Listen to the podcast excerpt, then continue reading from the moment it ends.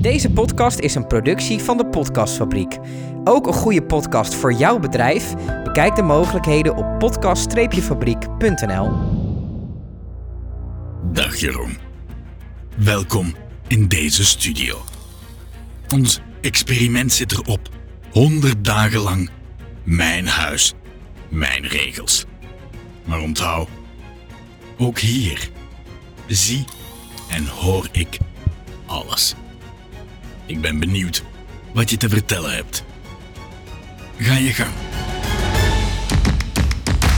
Hey, hallo. Welkom bij de lockdown. Ik zet deze even met opzet aan, want er is kennelijk iets met mijn hey, hallo's eh, als we beginnen met de lockdown. Welkom bij deze finale, de allerlaatste. De, tenminste, daar moeten we dus aan het einde van deze aflevering nog over hebben. Maar ehm, deze speciale aflevering, we hebben een, we hebben een gast. We hebben werken kosten nog moeite gespaard. We gaan eh, het hele seizoen van Big Brother nabespreken met ja, de man die volgens mij op internet rondgaat als stagiair Jeroen. Ja, dat ben ik. Ja, ik ben ook wel de producer af en toe. Het hangt er een beetje vanaf. Of de framer, een van de drie. De framer. Ja, Oh mijn god, het is heftig. Dat is een soort van complot. eh. ja let- ik ben niet de meest geliefde persoon van de Big Brother fans, volgens mij. Een soort zondebok. Eigenlijk wel, ja. Waar komt Ja. die titel stagiair vandaan dan? Dat weet ik niet. Iemand, eh, volgens mij toen ik ooit inviel, ooit, ik doe net al tien jaar met Big Brother bezig zijn, maar toen eh, Peter, de presentator, op een gegeven moment ziek was, toen moest iemand de vraag stellen aan degene die eruit ging. Oh, dat was jij! Oh. En dat werd gezegd dat een of andere stagiair heeft de microfoon in zijn handen gekregen, maar dat was ik. Omdat dat iemand- hebben wij hebben dat gezegd, Onder op, op, op Twitter ging dat ook eh, de ronde. Oh, nee, wij hadden, Sorry. toen, wij hadden toen de grap gemaakt van, nou ja, ze hebben een of andere stagiair daar neergezet die, ah, check, oh, wat goed zeg. Maar Maar jouw schuld, Steve. ja, het is, sorry daarvoor. Nee, het is Eh, all oké. Het is nog het, zeg maar, het meest liefde, liefdevolle wat er over mij is gezegd de afgelopen tijd, volgens mij. Ja, we gaan daar eh, het natuurlijk in deze uitzending ook uitgebreid over hebben. Eh, ik denk dat we naar Arjan gaan voor de allereerste eh, dringende vraag. Ja, ehm, Jeroen, wat is het nummer van Naomi? Die heb ik zelf niet eens trouwens. Heb je Echt niet? Heb je Nee. niet alle kandidaten in je telefoon Eh, staan? nee, nee, nee, eigenlijk niet. Eh, alleen, nee, twee. Dan hebben we de de verkeerde gast. Ja, Ja. sorry. We wie hebben we dan Sorry. nodig? ja, die werkt niet meer bij ons. Alle contacten zijn afgelopen. Dus, Oh. eh, nee, maar ik kan daar natuurlijk aankomen. Maar die mag je niet van mij hebben. Ik kan wel, je kan gewoon proberen om Insta-friends met haar te worden. En dan slide je in haar Ja. DM. En dan Ja. zeg je, ik heb jou ontmoet Oh ja, dat is helemaal hip in tegenwoordig. de White Room, toch? Ja, we hebben hartstikke leuk even gesproken, inderdaad. Hey, maar, ehm, Hij wil er gaan er zit- overheen lullen. Ja, nu wordt het een beetje ongemakkelijk. Maar ehm, we hebben eh, een week geleden is Big Brother afgesloten met een, eh, met een live show. En eh, Die een beetje saai was, begreep ik. nou, we hadden vooral wat ongemak met een check. Die Ja, ja. heel spannend En de stift die niet werkte, klopt. Precies. Maar hoe, eh, eh, jij bent dus nu ook een week geleden in een soort zwart gat gevallen, kan ik me voorstellen. Want je bent honderd dagen lang ben je met Big Brother bezig geweest. En hoe sta je dan op vrijdagochtend op, behalve brak? Eh, nou, niet eens echt brak, want wij een aantal, aantal wel en een aantal niet. Want wij moesten nog Jill begeleiden en Nick begeleiden. Die bleef op het hotel slapen met de eerste interviews en nog een soort debriefing van, van die mensen die in een soort Twilight Zone terechtkwamen toen ze het huis uit, uitkwamen. Dat is toch heftiger dan, dan dat je kan voorstellen. Dus ehm, ik heb vrijdag was ik om half elf eigenlijk weer op kantoor en toen ben ik tot vier uur bezig geweest met die mensen. En toen eh, ben ik naar huis gegaan en naar vrienden en toen ben ik dronken geworden. Ja, is het, is het ehm, want we beginnen nu bij het einde, wat heel mooi is, maar dat, dat houden we nog heel even vast. Ehm, is het zo dat je, je, ik denk dat wij dat, wij hebben al het idee van, wij zaten elke dag naar een daily te kijken, elke dag notities te maken. Voor ons, als Ja, ik erop jullie, terugkijk, ik ja, jij, keek- jij keek af en toe. En eh, voor ons was het al een vrij intense periode en het voelen alsof je het leeft, dat zal bij jou keer duizend zijn. Ja en nee. Want het is ook wel weer, het is ook wel eh, klaar nu, dus dat is ook heel lekker. Dus het was super intens. Maar eh, ik moet eerlijk zeggen dat ja, het hele, ehm, jullie zijn bij ons geweest, dat bestaat allemaal niet meer. Het is allemaal weg. Het Ja. is allemaal, iedereen is eh, naar huis. Eh, die eerste verdieping waar jullie niet zijn geweest, waar wij met z'n allen zaten, dat bestaat niet meer. En ik zit weer boven op de vierde bij en de Molshine. Ja. het, is, het is gewoon gone of zo. Dus het is ook wel heel erg bevrijdend of zo. Ja. Dus ik heb niet een heel weemoedig gevoel. Het is gewoon klaar. Het was heel leuk, maar vind het ook wel lekker ergens. Is het huis nu ook weg? Nee, het huis staat er nog. Want daar gaan nu de meest vuile roddels over. Nee joh, ze gaan daar koffietijd maken. Ja, dat is niet van ons, dus dat mag niet. Eh, nee, en nou, binnenkort sowieso niet. Maar eh, het staat er nog, omdat er inderdaad eh, misschien wel een seizoen 2 komt. Dus, eh, maar dat is nog niet helemaal zeker.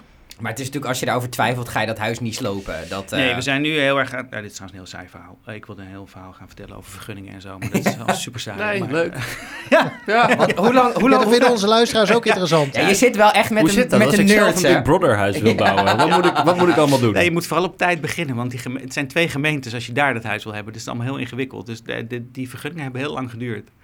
Ehm, dus, maar we hebben nu nog een verlenging. Nou, sowieso staat het huis nog even. We zijn nu aan het kijken of we het moeten verlengen, ja of nee. En met de zenders aan het overleggen of er een seizoen 2 komt, ja of nee. En dat moet binnen nu en een paar weken wel helder zijn om, eh, om te besluiten of we dat huis wel of niet gaan afbreken. Want wanneer loopt de huidige vergunning af? Weet je dat? Mm, dat weet ik niet exact, maar dat, dat is nog een paar maanden. Maanden. Ja, dus Ja. je- het mag er nog even blijven. Ja. Want hoe lang zijn jullie... Ik ga een mooi bruggetje maken naar het begin. Hoe lang zijn jullie bezig geweest met het opbouwen van dat huis?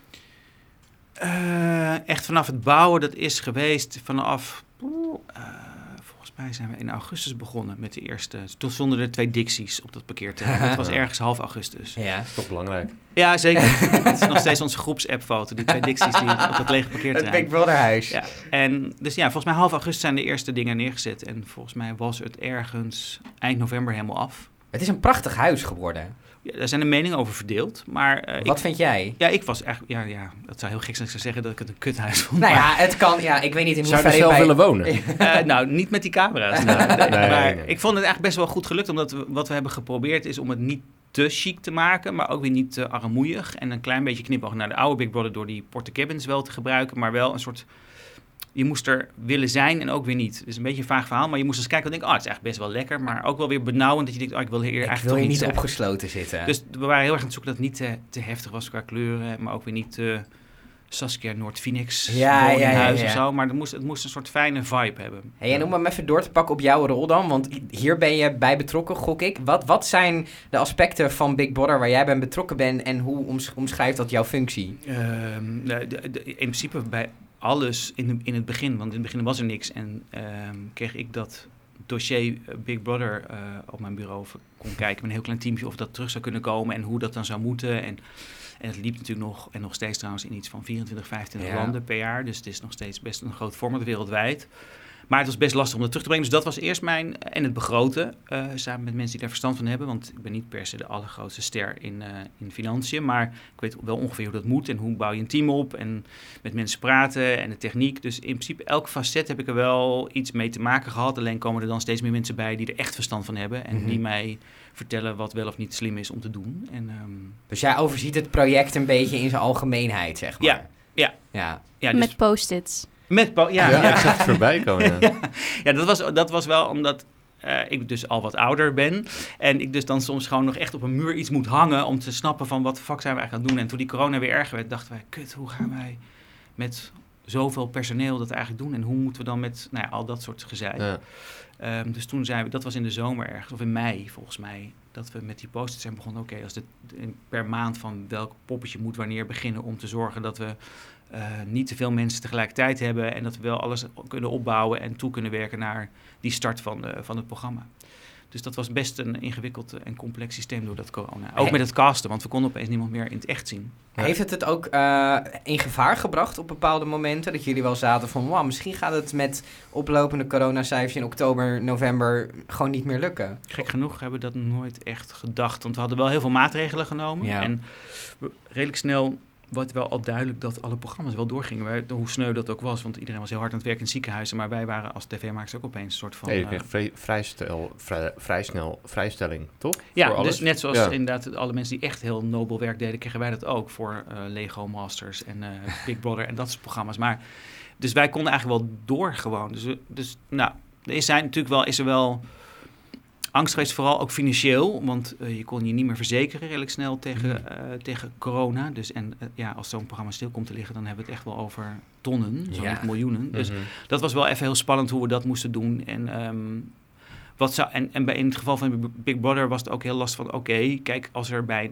in de Maaspak doe ik ENG-programma's, dus programma's op locatie met camera's... die je van tevoren opneemt en daarna gaat monteren. Ehm, en als je daar even stil ligt een dag, is dat niet erg. Maar bij Big Brother kan je nooit stil liggen. Dus hoe ga je ervoor zorgen dat zo'n machine door kan blijven gaan 24 uur per dag en dat het niet stil ligt vanwege corona. Dus dat was nog wel het Dat je niet één besmetting op de vloer hebt en dat iedereen Precies. naar huis moet. Ja. Precies, dus dat betekent dat we met veel meer personeel moesten werken en allemaal in, in bubbels en in meer shifts. Ja. En er moesten overal moesten die glazen corridors worden gebouwd en nou, et cetera, et cetera. Dus dat was, dat was misschien nog wel een beetje spannend.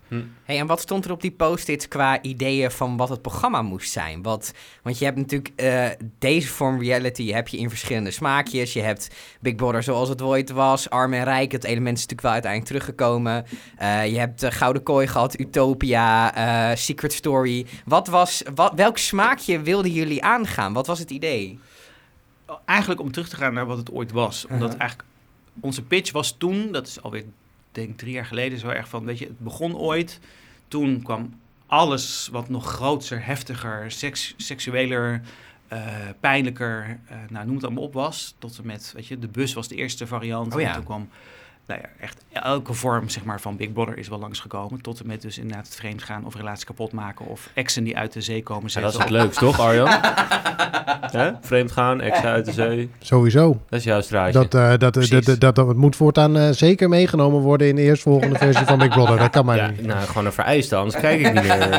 Je mag alleen nog maar single zijn als je meedoet aan Big Ja, en, heel knap ook. Of, Of gewoon een reputatie, of, eh, reputatie van ik ben minimaal drie keer vreemd gegaan. Ja, precies. Ja, Dat, dat, nou, dat wilden we dus allemaal niet. We dachten, dat is allemaal al geweest. Dus wat nou als je terugbrengt naar eh, mensen zoals jij en ik, wat als saai wordt gezien, maar is dat niet interessant om dat eens te proberen om te kijken of je niet een soort echt experiment kan, aan kan hangen. Hè? Want zelfs, oh, hoe heet dat ook alweer, die, eh, dat je naakt gaat daten op dat... ehm, Ja, Adam en Eva. Ah, ah ja, Eva. dat werd ook gezien als een sociaal experiment. Dat echt dat sociaal experiment overal opgekwakt. Ja, dachten we, maar wat nou als we dat echt gaan doen? Want op zelf is echt 14 wildvreemde mensen, wat wordt het originele aantal wel, eh, in een huis stoppen is best interessant. Om te kijken in deze tijd, dat klinkt allemaal nogal zweverig en nogal nieuwseurig, maar zo dachten we wel van, weet je wat nou als je kijkt in de samenleving die helemaal naar, nee, nogal ver uit elkaar ligt, wat nou als je al die mensen bij elkaar in een huis stopt en daar dus een soap van maakt en ook misschien wel kan zien dat je elkaar, als je met elkaar samenleeft, dat je elkaar beter gaat snappen en dat er heus ook nog ruzies komen en misschien ook wel vriendschap en heel misschien ook wel liefdes. Maar als het wegtrekken van eh,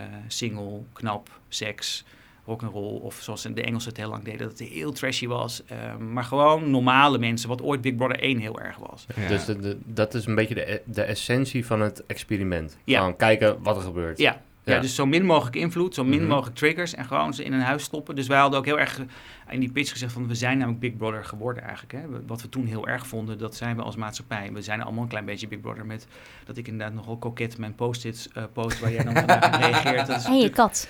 En mijn Wat kat. een mooi En dan vervolgens Ja, ga je dat in een goed, hè, podcast nabespreken. Ja, ja, precies. Dus dit, is- ik bedoel, dit is natuurlijk al, eigenlijk heel erg. We, zijn, we doen allemaal een klein beetje Big Brother. Dus we dachten, we moeten dat bijna omdraaien. We moeten dus mensen, ook die nieuwe generatie ehm, kijkers... die alleen maar gewend zijn aan Instagram en whatever. En Twitter en al die woede aanvallen. Wat nou als je die mensen in een huis stopt... en ze kunnen helemaal niet meer reageren. Ze kunnen alleen maar met elkaar praten en Mhm. face-to-face. Was dat de reden waarom, waarom Theo erin zat? Ja. Ehm, Nou, nou, maar, hij is- goed, ik hij vind het een interessante ja, vraag, ja, ja. Hij is dus waarschijnlijk, hij is zo'n, zo'n, zo'n, zo'n hoe noem je dat? Zo'n, eh, een troll? ja, iemand die trolt. Ik Je zie Jeroen heel politiek correct. Net eh, als Dotan. ik- Dotan die met zijn leger trollen, zijn trollenleger. Ik zie eh, Jeroen heel eh, politiek correcte woorden aanzoeken.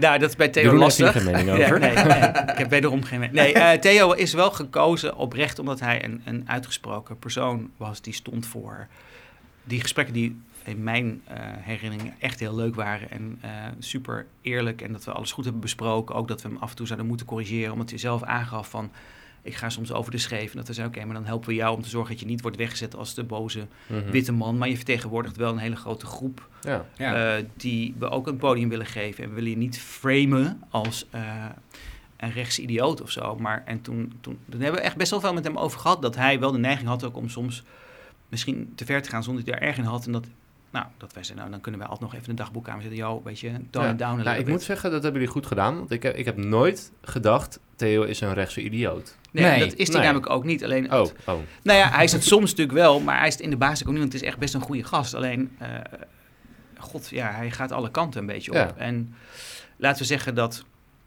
het feit dat hij er ook niet was, wat, wat van mij echt prima is hoor. Ik bedoel, eh, eh, ja, dan niet, dan is hij er niet, weet je. Ik bedoel, we- Het was zijn keuze om er niet te zijn. Nee, ja, dat wisselt een beetje welke tweet je van hem leest of welke post. Maar in principe eh, hebben wij hem gevraagd of hij wilde komen en wilde hij dat niet. En kwam hij nog wel even langs om de rest van de kandidaten te ontmoeten in het hotel. Die Mhm. voorafgaand aan, in het hotel bij ons in de buurt het waren. Zodat hij nog wel even de rest kon zien. Maar hij wilde met ons niks meer te maken, want hij vindt dat wij hem totaal verkeerd hebben neergezet. Ja. Ja, dat, Het, is, het lijkt mij lastig in jouw positie dat je, je maakt in zo'n edit maak je de balans tussen je wil de dingen laten zien die gebeurd zijn, die interessant zijn. Dus in de basis zijn dat altijd excessen. Eh, de, de excessen vallen op. ja. Dus, dus je maakt een keuze om dat te laten zien, omdat anders krijg je het verhaal van ja, er gebeurt niks. Dus eh, je zal een balans zoeken in zo'n uitzending tussen gesprekken en- over koetjes en kalfjes en nou ja, een Theo die op een ijsblok staat te rammen en iemand een idioot noemt. Ja. Ehm, Of homo. of homo bijvoorbeeld. Ja, ehm, die balans zoek je daarin. Maar daardoor lijkt het alsof je dus alleen excessen laat zien. Terwijl dat eigenlijk niet zo is. Is dat een beetje het probleem hiervan? Of... Nee, ik zie het eerlijk gezegd niet zoals een probleem. Het is een interessant fenomeen dat je dus in principe nooit goed kan doen. Ja. Eh, voor de streamfans, dat is wel weer een hele andere categorie. Want die kijken gewoon alles en die zien alles. Ja, Ja. en dan is het gewoon zo. Ja, dan natuurlijk framen wij. Want je maakt van 24 uur, soms 48 uur, maak je 43 minuten televisie. Dus Ja. je ontkomt er niet aan dat je een nuance weglaat. Net zoals dat eh, ehm, als je dit knipt, ik ook zeg maar al mijn nog nagepruttel om dingen weer goed te praten worden weggehaald. Dat, dat is helemaal zoals het is. Dus Ja. ja, ja, we framen natuurlijk wel een beetje, maar we hebben wel altijd geprobeerd om het zo zuiver mogelijk te doen. En ja, dat dan de fanbase van de ene groep dat niet helemaal trekt of vond dat wij eh, de schimmelkut van eh, Jill, die we niet hadden gebruikt, omdat, dat, omdat op dat moment we dachten, ja, het voegt niet zo heel veel toe in het geheel. Ja. En, en zo hebben we van iedereen, en, god, we hebben ook nog aank- een aanklacht bijna gekregen, omdat eh, Michel had gezegd nasi goreng in plaats van nasi goreng. En dat hebben we ook niet gebruikt. En daar werden ook mensen boos van. Nou, fijn, dus je kan het nooit helemaal goed doen. Maar probeer die mensen ook allemaal een klein beetje te beschermen. En te denken, oké, heeft het zin om dat te doen? Ehm, heeft het een toegevoegde waarde aan het verhaal? Of heeft het niet zo heel veel zin en slaan we het over? Nou ja, en dat deden we soms volgens eh, een aantal fans gewoon niet helemaal goed. Maar ik geloof wel dat we hebben geprobeerd om het echt zo zuiver mogelijk te doen. Ja, Lig je er wakker van? Van dat soort dingen af en toe? nou, ik vond het op een gegeven moment wel een beetje. eh, ja, eigenlijk wel op een gegeven moment wel. Omdat ik eh, toen ook eh, Natalie heel veel haat kreeg. Dat, Mhm. dat, we- dus een van de. Nou, dat hoef ik trouwens niet uit te leggen. Dit is de podcast over programma's. Iedereen weet wie Natalie is. Al mijn vrienden moet ik telkens uitleggen wie wie is. Want niemand van mijn vrienden keek naar het programma. Maar, Wel leuk eh, als mensen nu pas intunen. ja, ja, ja. Maar dat vond ik echt wel er- erg, omdat we haar gewoon niet zo goed konden beschermen. En zij ook nog een beetje boos op ons was. Dus en je Mm. probeert je best te doen, maar dat lukt gewoon niet altijd. En eh, toen met Gerald, die natuurlijk ook echt wel... eh, die sloeg ook in het begin een beetje door. Maar wat daar op hem over, over me heen kwam... Over, die vriend belde mij ook op, die had het echt zwaar. En toen hebben we uiteindelijk ook besloten om toch even op zwart te gaan... met onze post, om een, Ja. of onze socials, om een soort statement te maken... Wat nou, door sommige mensen wel als goed werd ervaren, sommige mensen weer niet. Maar je kan het dus niet helemaal veranderen. En heel veel van de nieuwe generatie zeiden, ja, maar deal with it. Dit is een beetje wat het is. En dacht ik, oké, maar dan moet dat dus maar gewoon kunnen. Dat iedereen gewoon zo zwaar kapot wordt. Maar ik weet het niet. Dus dat vond ik wel lastig. Dus we probeerden ook onze bewoners soms echt wel een klein beetje te beschermen eh, Mhm. voor die boze buitenwereld. Maar Maar is, het niet, is het niet ook zo als je kijkt naar bijvoorbeeld andere BN'ers? Die hebben dit op dagelijkse basis. En deze mensen kiezen ervoor om ook op, op televisie te gaan. Dat is een keuze geweest. ja, dat is waar. Alsnog praat ik absoluut niet goed wat er allemaal online, eh, online gezegd wordt. Maar, Ja, ik denk eh, dat dat een beetje het verschil is met als je plotseling beroemd wordt, dan, Ja. heb, je niet, dan heb je geen tijd gehad om eraan te wennen. De, een, als je beroemd wordt door middel van televisie of zo, dan zit er vaker, dan begin je in een klein programma en dan wordt je programma steeds Ja, groter en de mensen die je kennen. Britney en dan- Spears moeten geloven. Ja. Ja, Britney Spears is wellicht niet het beste voorbeeld omdat de Ging ook vrij snel. Ehm, maar deze mensen die komen natuurlijk, eh, die, eh, die zijn opeens beroemd, merken daar honderd dagen niks van. En vervolgens na honderd dagen komen ze naar buiten en dan kunnen ze al die bagger eh, eh, lezen.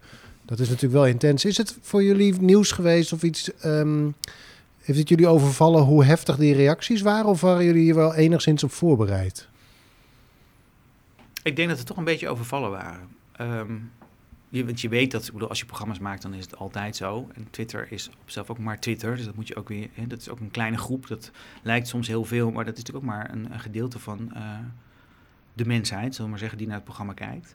Maar het overviel ons toch wel dat het was ook wel tof, omdat dus de fans super dedicated bleken te zijn. En echt, echt wel dat ik dacht, jezus, die kijken echt alles. Die zien ook s'nachts, als wij dachten, nou ja, dat is allemaal niet zo boeiend, dan kregen we weer mails en berichten dat we dingen ook weer niet hadden gebruikt en zo. Dus ik vond het super interessant. Ehm, maar ik vond het soms ook wel een klein beetje beangstigend dat mensen zich zo kunnen verliezen in, eh, in, in iets. maar ook wel weer mooi. Het was alleen, er is geen, dus geen gesprek mogelijk. Want ik moest toen eh, online van ons online team ging doen een clubhouse doen eh, om te praten ook over stop the framing en over dat wij op zwart waren gaan of het online gedeelte dan. En toen vroeg of ik dan eh, als maker wat wilde uitleggen. Dus ik probeerde dat nou een beetje vrolijk en niet al te serieus, maar wel vriendelijk uit te leggen. En dat, dat er is dus geen discussie mogelijk. Toen was ik, toen had ik ook een, al dus Twitter een pauze gelaten tussen Fab en Five. En toen was ik dus een Fab Five hater. En Ja, het het, was... is echt, het, was, het was redelijk intens wel. Dus, het was een, ik, dus wij vergeleken het een beetje met eh, ehm, voetbalfans. Weet je, als je voor Ajax bent, dan kan Feyenoord echt niks goed doen en, eh, Ja. en vice versa. En dat was dit volgens mij ook. Dus ja, het- works both ways, weet je wel. Ja. Je hebt, je hebt en, en de fame en, en de, ja, de, Nou, de shame. Ja. Ehm, ja, En die mensen, eh, die, die bewoners, die proberen te preppen wel op dat feit dat, ze, ehm, dat er veel over hen heen gaat komen. En dus, we hadden elke zondag dus ook een psycholoog in het huis. Niet om daarover te praten, dat wisten ze toen nog niet. Maar wel om in ieder geval al ze alvast te laten wennen, ook dat ze al met iemand konden praten. En ehm, ik praatte dan meestal twee keer per week, of soms drie keer per week, hing vanaf wie en of er een kwestie was met ze als ze problemen hadden. En de, het hele natraject is ook dus best wel intens. Dat er, ik kreeg toevallig vandaag weer de analyse van de psycholoog met hoe het nu met de laatste mensen gaat. Het is gewoon, en? Gaat goed? ja, maar het is veel. Mhm. Ehm, dus het gaat goed, maar ze missen, de meesten missen gewoon ook echt het huis. Wat ik snap, het is gewoon, je hebt honderd dagen opgesloten zit je in een soort bubbel. En, ja, en- en het Ja. was gewoon, en corona bestond niet. En dat is voor hun allemaal best wel heftig. Ik denk dat iedereen had gedacht, wij zelf denk ik ook ergens wel, dat het voorbij zou zijn als Big Brother klaar Ze zeiden het ook met die krantenkoppen, hè? Van Ja. Dat was echt wel even een shock van, oh shit, we zitten eigenlijk gewoon nog steeds in dezelfde situatie als in januari. En we dachten, we moeten het langzaam misschien wel eens gaan doen om ze een klein Ja. beetje voor te bereiden op dat wat gaat komen. Maar, ehm, dus het gaat goed, maar ze missen het wel. En het is heel erg wel zoeken voor hun weer naar de nieuwe werkelijkheid. En ook, Ja. eh, je bent gewend geraakt. En dat snap ik ergens wel aan, aan die huisgenoten. Dus het is ook weer wennen dat je niet meer die mensen elke dag om je heen hebt. Mhm. En dus het is met je geliefde ook weer even wennen soms. Of eh, de hoeveelheid eh, op je Instagram is schijnbaar echt best wel intens. En al die fans die zich melden. En, ja, het is, en, en Jill gaat redelijk goed, maar die, is wel een beetje, die vindt het ook allemaal wel een beetje spannend. Ja, want zij gaf in het huis al aan van ik heb helemaal geen zin meer om eh, naar buiten te zijn. Heeft zij, eh, heeft zij bijvoorbeeld, nee je hoeft geen namen te noemen, maar zijn er deelnemers die het er erg zwaar mee hebben? Als in dat ze gewoon meer in het Ja. gewoon leven zijn. Ik denk dat iedereen het daar wel een klein beetje zwaar mee heeft. Behalve de mensen misschien die er vrijwillig uit zijn gegaan. Maar ik denk dat de rest allemaal stuk voor stuk het ehm, moesten afkicken. Of nog aan het afkicken zijn. Ja. En dat is wel eh, pittig. Hoe was die week met die drie vrijwillige exit? Hoe, wat gebeurt er dan op zo'n productie?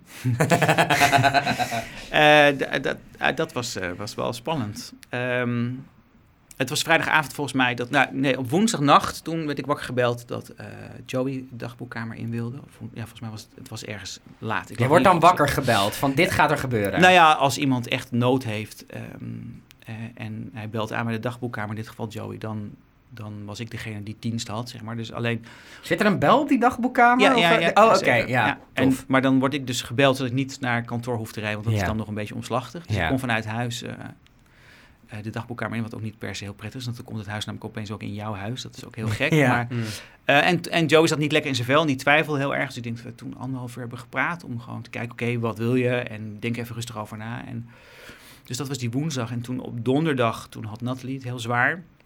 Dus had ik toen lang mee gepraat in de dagboekkamer. En vrijdagavond, toen eh, ging ik was echt net naar huis. Het was dik een uurtje of zeven.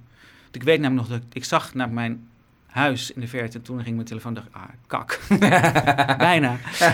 en, eh, en toen moest ik terugkomen omdat Joey met mij weer wilde praten. En die wilde toen, eh, die besloot eigenlijk dat hij dacht, ik, ik wil het denk ik niet meer. Ja. Nou ja, daar denk ik nog even 24 uur over na. Maar ja, als het zo is, dan... eh, Dan is het zo. Gaf, hij, gaf hij toen ook aan waarom niet? Want dat is nooit echt Dat is niet meer erg. dan, dan wat jij weet. Dat is een, Nee. hij, hij, hij, ik, ik kan het niet helemaal goed ook reproduceren, maar het was van dat hij niet het spel kon spelen. Hè. Het was een populariteitscontest voor hem. Het was niet zoals Amerika.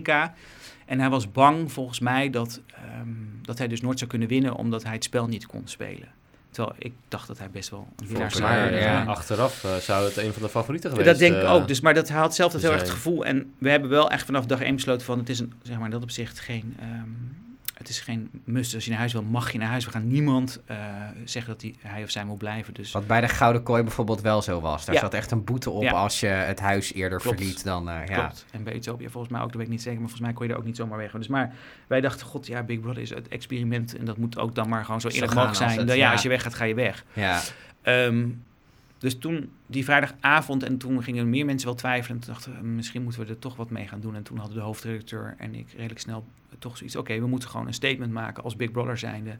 Dus Big Brother moet gewoon ehm, dat verhaal wat wij hebben verteld, vertellen van... Yo, weet je, het is, als je het echt niet leuk vindt... De sfeer was namelijk ook echt niet tof in het Nee, Het was echt beneden alle pijl.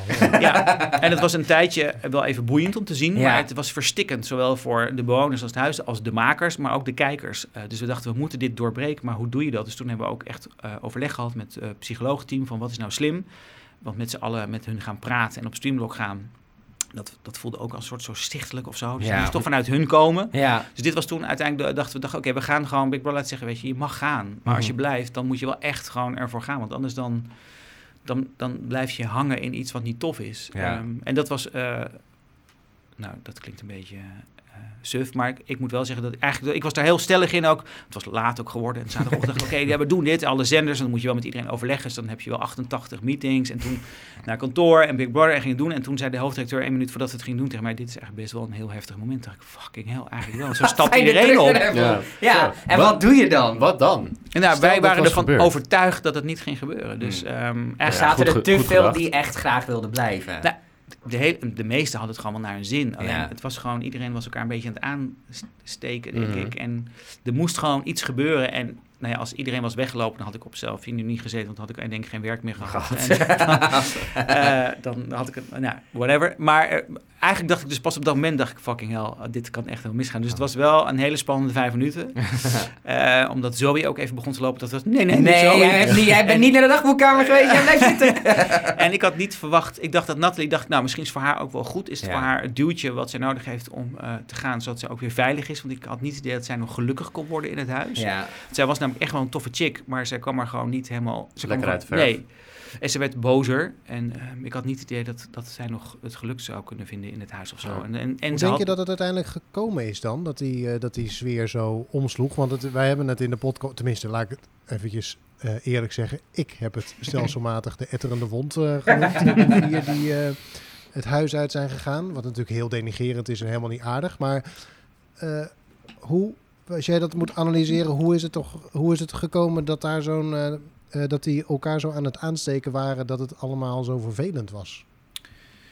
Ik weet het ook niet helemaal. Want wat je, als je naar het hele. eh, dit is een heel sterk antwoord, dat weet ik. Maar ehm, als je naar het hele traject kijkt, is namelijk het veranderde constant. Dus ik denk dat dit ook wel weer over was gegaan. Hè? Maar er moest wel Ja. wat gebeuren. Maar ik denk dat Theo wel een aanzicht is geweest van het geheel. Die heeft wel ehm, dat aangezet. En je had gewoon op een gegeven moment heel erg even dat Nederland.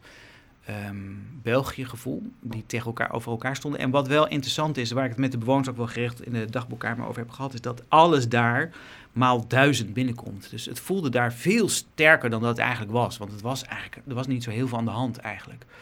Ehm, maar je hebt niet zo heel veel prikkels. Dus je enige wat je kan denken is... oké, jij kijkt nu heel raar naar mij... dus je zal nu wel wat van mij vinden, weet je wel. En Ik kijk helemaal niet raar. Jawel, ja, dat deed je dus wel. Oh, nou, zo ging dit dus. ja. En, eh, eh, en dat werd erger en erger. En er was, dat, dat was gewoon niet meer te... Ik kon ze, of ik en de psycholoog en ook mijn collega's... wij konden ze niet meer helemaal uittrekken. Want, het, want ze zeiden, kom op, weet je. Kom op, je, het, is, het valt echt mee. Het is niet zo erg. Praat met elkaar. Ga gewoon een discussie met elkaar aan. Dan komt het allemaal goed. Maar dat lukte even niet meer. Iedereen zat vast. Ehm, en dus ik denk dat... Ze hebben elkaar gewoon daarin een klein beetje eh, gek gedreven, denk ik. En er zat een kern van waarheid in waarschijnlijk, want ze hebben dat zo ervaren. Eh, alleen, het is maar tijdelijk. Het is, dat zag je toch ook met eh, de, de ver- het verloop van vriendschappen en zo. Mensen die elkaar stom vonden uiteindelijk. Als je die isoleerde en bij elkaar zette, zoals dat vrouwenweekend en mannenweekend. dat leverde ook gewoon wel weer een nieuwe dynamiek op. Ja. En Michel en Joe vonden elkaar ook. Want het is zoals, zoals ook in het echte leven gaat, weet je. Dat je elkaar soms eerst heel stom vindt en uiteindelijk blijkt het allemaal reuze mee te vallen. Hier, hierop aansluitend en, en hoe die situatie ook is ontstaan, wat, wat een hypothese van mij is. Zijn die nominaties, is dat een pluspunt of een minpunt van het format? Ik denk toch dat het een pluspunt is. Want Mhm. uiteindelijk is het namelijk altijd je rode lijn en de start weer van een nieuwe verhaallijn van een nieuwe week. Want eh, de, de koning is dood, lang leeft de koning. We gaan gewoon weer door en het spel begint opnieuw. Dus Ja. het, was een, het is een gegeven. En ja, het- de bondjes, dat hadden wij niet helemaal verwacht. Eh, aan de andere kant, dat gebeurt bijna bij elk nominatieprogramma, is dat een heel groot gedeelte. En het hield het ook wel spannend, want toen er niet meer over werd gepraat, toen en alles was besproken, inclusief alle seksuele fantasieën. en eh, wat je lekker vond aan eten en wat niet. En wie er wel of niet schoonmaakte. En hoe de handdoeken moeten worden opgevouwen. Dan bleef er best weinig over. Dus Ja. ik denk dat het een Maar ik wezenlijk had nog wel onderdeel... wat meer seksuele fantasieën willen horen. Ja? Dat hebben we zeker ook niet uitgezonden dan. Ja. Nee. Nee, die staat op de streams. Ja. Ik heb eigenlijk nog een hele andere vraag. Wie en hoe bedenken jullie al die spelletjes? Eh, dat is eh, wel ruim van tevoren over het algemeen bedacht. En er zit een, een spel, eh, een, een spelproducer op en een spelredacteur. En, Is dat een baan? Ja, dat, nou, leuk. fucking vette baan, ja. Ja. ja. dat, is, dat is best een, en dat is een kleine business. Ik bedoel, Expeditie Robinson die heeft ook allemaal Ja, ja, spelproducers. dat- ja, En- precies. Ja, dat vroeg me ook altijd af, wie bedenkt Ja, dit? ja Maar dat, dat heb je hele expeditie is natuurlijk super groot. wat is dan je titel op LinkedIn? een game producer? Ah, Ja. Tof. Ja, daar heb je ook, ook alle bondjes. Ik moest daar ook meteen aan denken. Expeditie Robinson overleef jij op het moment dat jij in een heel goed sterk bondje zit. Ja, Zeker niet- wanneer je met nominaties en stemmen te maken hebt. Klopt. Ja. Onze hoofdredacteur heeft ook 20 jaar Expeditie Robinson gedaan. Dus Ah, dus is Kijk, voilà. Dat helpt. eh, Ja, het goed. waren ook wel een beetje... We hebben vaak hier Expeditie Robinson en Wie is de Mol inderdaad genoemd. Een beetje van dat soort spellen. Ja, we hebben natuurlijk wel ook zo'n... Kijk, ons budget was natuurlijk wat eh, kleiner. Ja, ja. Dat zag je ook geregeld terug. Eh, vooral als je nu... eh, en dat kijken gelukkig niet heel veel mensen. Maar Australië loopt nu. Big Brother Australia is op ons timeslot gekomen. Ik Daar er wij... echt zo klaar mee dat ik dat ook niet meer weet. nou, ik ben heel blij, want daar zitten heel veel spellen in die dan heel veel groter en meeslepender Oh, ja. zijn. En die wij in het klein hebben nagedaan. Ja. Want je hebt gewoon die, de, zeg maar, de spelbijbels van alle Big Brothers wereldwijd. Dus daar doe je gewoon cherrypicking uit. Dus je kijkt gewoon van, oh ja, dat is tof en dat werkt. En, en we hebben daar, denk ik, tot en met week 7 was helemaal klaar voordat we überhaupt begonnen. Mhm. En van week 7 tot met week 14 stond in de stijgers. En we hebben af en toe dingen omgezet omdat we dachten, oh shit, dat element. Want wij hadden stiekem een soort thema's elke week. In het begin hebben we op een gegeven moment losgelaten. Maar vond zelf, ik denk, oké, dan hoort daar dat spel bij, moet dat verhaal Ja. ongeveer eruit gaan Mhm. komen.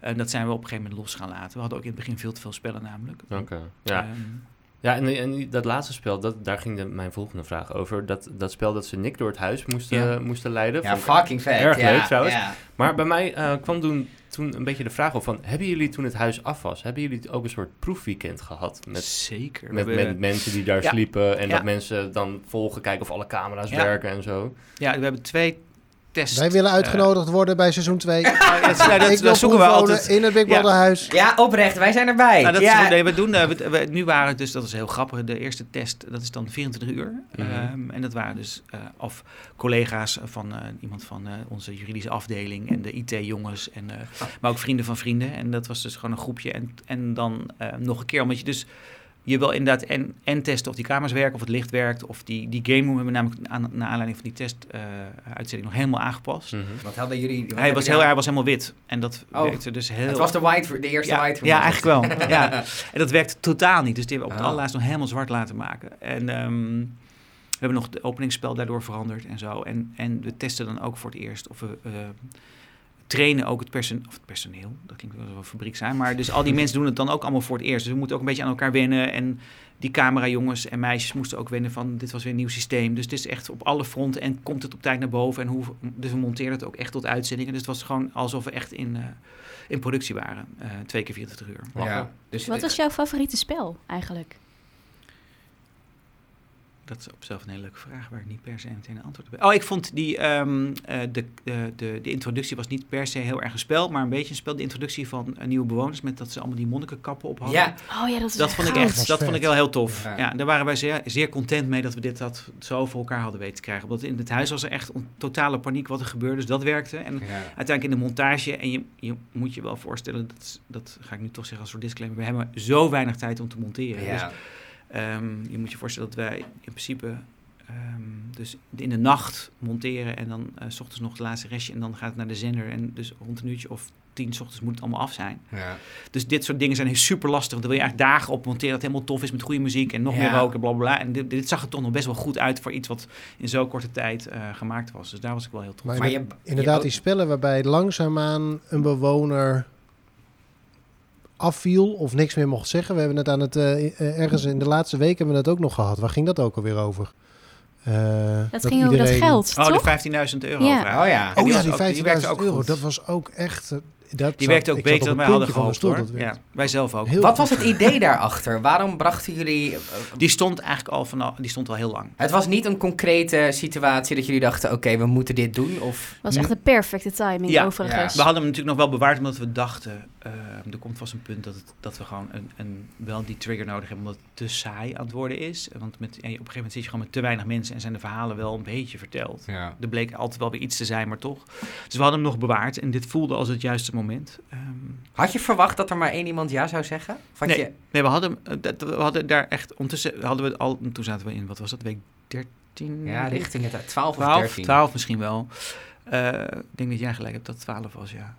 Ja, toen, eh, to- toen wisten we al dat wij telkens ongelijk hadden met wat wij aan het voorspellen waren. Dus, eh, ja, ik, eh, Terwijl je toch de hele dag naar die mensen kijkt. Dus je Ja. zou haast zeggen dat je... En je spreekt ze natuurlijk ook in die dagboekkamer. En daar krijg je natuurlijk ook dingen te horen die je op tv niet per se ziet. Eh, ja, nou, ja, een beetje. Die gesprekken zijn soms privé. Dat is gewoon meer dat ze even stoom kunnen afblazen. Ja. Of dat ze, eh, maar ook gewoon door de boodschappen doorgeven. Eh, dat deed Naomi vaak. Die ging ook nog even vertellen wat ze, wat ze miste in het huis en zo. Welke vegan dingen er mist in het huis. Of wasmiddel of eh, whatever.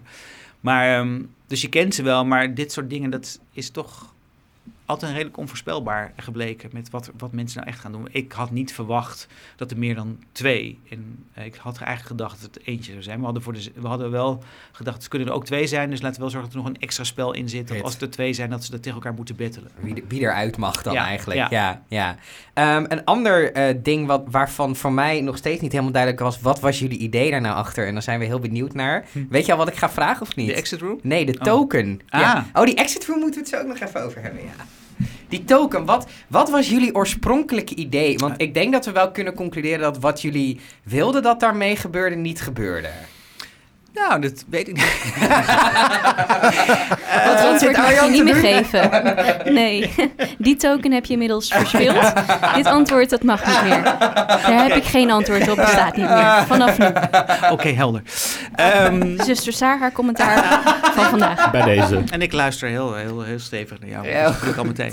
Ehm, eh, nou, het was eigenlijk... We bedacht, de, onze hoofddirecteur bedacht van... moeten we die token niet doen? Dacht, ja, eigenlijk best grappig. Ja. Dat gaat verwarring veroorzaken. Dus het was een redelijk spontaan, eh, spontane actie. We hadden hem wel op een lijst staan, een token. En toen werd het zo'n rare knieker in zo'n raar doosje. Hij heeft hem ook altijd op zijn bureau bewaard. Omdat het ook tot heel veel discussie leidde. Hij is er nog steeds heel trots op, die token. En het leverde gewoon super veel verwarringen en drama op. Dus ik heb me kapot gelachen. Met, eh, er is een rat in het huis. En, en dat ze met een pot zalf had verstopt. En weet ik veel. Dus er gebeurde genoeg Ja, mee. die alleen, pot zalf was goud. ja, vond- ja. Ehm, alleen, volgens mij was er heel veel discussie ook, eh, zeg maar, intern bij ons met de zin of hij nou wel of niet moest blijven. En toen uiteindelijk hebben we dus de keuze, volgens mij, ik weet het niet eens meer helemaal goed. We hebben, de- we hebben volgens mij de keuze aan de bewoners gegeven wat ermee moest gebeuren. En die zeiden weg. Maar de kijkers, de kijkers Oh, de kijkers was het, stemmen, dat was het, ja. Ja, toen dachten we, dan geven we gewoon de macht aan de kijker, wat vinden zij? Uh-huh. En En toen, en toen zei de kijker, doe maar weg. Ja. Wat wij best Maar als vonden. kijker kan ik me helemaal niet zo heel erg goed meer herinneren hoeveel de- dat daar heel veel discussie over was. Voor mij als kijker was het volgens mij een vrij betekenisloos ding. Of. Het staat mij niet bij dat ik dacht, oh wat spannend zeg, ze zitten allemaal te discussiëren over die token. Nou, dat was natuurlijk in het begin niet meteen, maar dat gebeurde uiteindelijk wel. Want in die live show toen ging het echt even, even mis. Eh, toen eh, er werd gerefereerd aan de token en toen daarna eh, wist, wisten wij als kijker dat Danielle aan het liegen was. Want die had natuurlijk verstopt en dat is de rest niet, maar sommigen eigenlijk wel. Dus toen leverde het uiteindelijk nog best wel wat verhaal, eh, storytelling, Op. zoals men dat altijd noemt, op. Ehm, dus ik, vond, ik was er eigenlijk best content mee. Het was, het was gewoon een heel verwarrend ding. Wat, wat uiteindelijk gewoon veel meer effect had en ook weer niet. En toen ging het ook gewoon weer, eh, ja, is het, eh, is het roemloos ten ondergaan omdat de kijker dacht, nou, doe toch maar weg. Terwijl wij het echt best wel tof vonden om dat gewoon in het huis te houden. Wat, wat heb jij ooit eh, ingebracht in een vergadering waarvan je zelf nog steeds vindt dat het een supergoed idee is, wat het programma niet gehaald heeft? Ik heb daar geen antwoord op. Nee, nee, nee, nee, nee. No, no, no, no, no. Eh, dat, dat weet ik oprecht niet. Alles wat je zegt haalt het programma. Dat is wel lekker. Nee, dat, dat- ik zou willen dat het zo was. Nee, dat is zeker niet zo. Want dan, nee, er zitten ook nog, het zijn twee zenders die ook nog meepraten. Ja, hè. ja. Dus, eh, eh, vooral in het begin is dat wel even nog, dan gaat niks zomaar. Totdat Nee. het vertrouwen is en het loopt en zo. Maar ik zit, ik zit heel hard na te denken. ehm, want er zijn natuurlijk, er is d- duizend keer iets veranderd in, eh, in aanloop naar het programma. Of misschien iets wat je bedacht had, wat, ehm, Oh, wat budgettechnisch ook niet kon, maar wat je nou, wel heel graag Daar willen. kan ik nog een hele dag over praten. dus dat, Oké, Ja, dat is eh, heel veel natuurlijk. Ja. Eh, want we hadden een grotere game room gewild, Ja. een iets grotere tuin en misschien nog wel een buiten game room. Nou, al dat soort dingen. Ehm, we hadden nog wel iets meer. eh, nou ja, wat niet kon, wat ik echt super jammer vond, maar dat komt echt door corona, is je hebt een, een format element in die in veel Big Brother landen wordt gedaan, die heet de freeze. En dat is super simpel. Er gaat gewoon een belletje, je moet allemaal freeze blijven staan. Dus op de, op de, zoals wij nu zitten, moet je dan blijven zitten. En dan komt er zomaar misschien wel een geliefde van een van jullie binnen. Oh. Of, of je lievelingshuisdier. Of, eh, En dan mag niemand bewegen. Nee, en jij ook niet. Dus er zijn prachtig van die, van die, zijn altijd van die programma's van Big Brother wereldwijd, waarin dan eh, zo'n jongen die eh, volgens mij net uit de kast is gekomen, is volgens mij een Scandinavische Big Brother, en die staat er dan, dan komt zijn vader binnen, terwijl hij in de free staat met zijn hond. Oh, En de traan, de over zijn wangen, terwijl die stil blijft staan. En die vader zegt dat hij trots op hem is en dat hij van Ja. hem houdt en dat de hele familie heel trots op hem is. En dat, maar hij mag niet, eh, hij mag niks Nee. doen. Want Dat- wat is dan de consequentie? dan gaat volgens mij er heel veel geld van de pot af. Of, Oh, eh, heftig. dus dat is, dat is, het is intens, maar het levert, er leverde ook wel hele mooie televisie op. Dus dat hadden wij heel graag eigenlijk willen doen, maar dat kon niet vanwege corona. Hoe blij waren jullie met de kus? Nou, eh, ik vond het super schattig, maar god, het was, het, ja, het, het, had, het was voor mij nou niet zeg maar een defining moment in de, in de reeks of zo. Eh, het was wel, het was fijn, omdat, nou, het was wel, er gebeurt niet zo heel veel meer in het huis, dus het was lekker dat we nog iets hadden. Ja. Maar Miste wel een beetje de Titanic muziek eronder.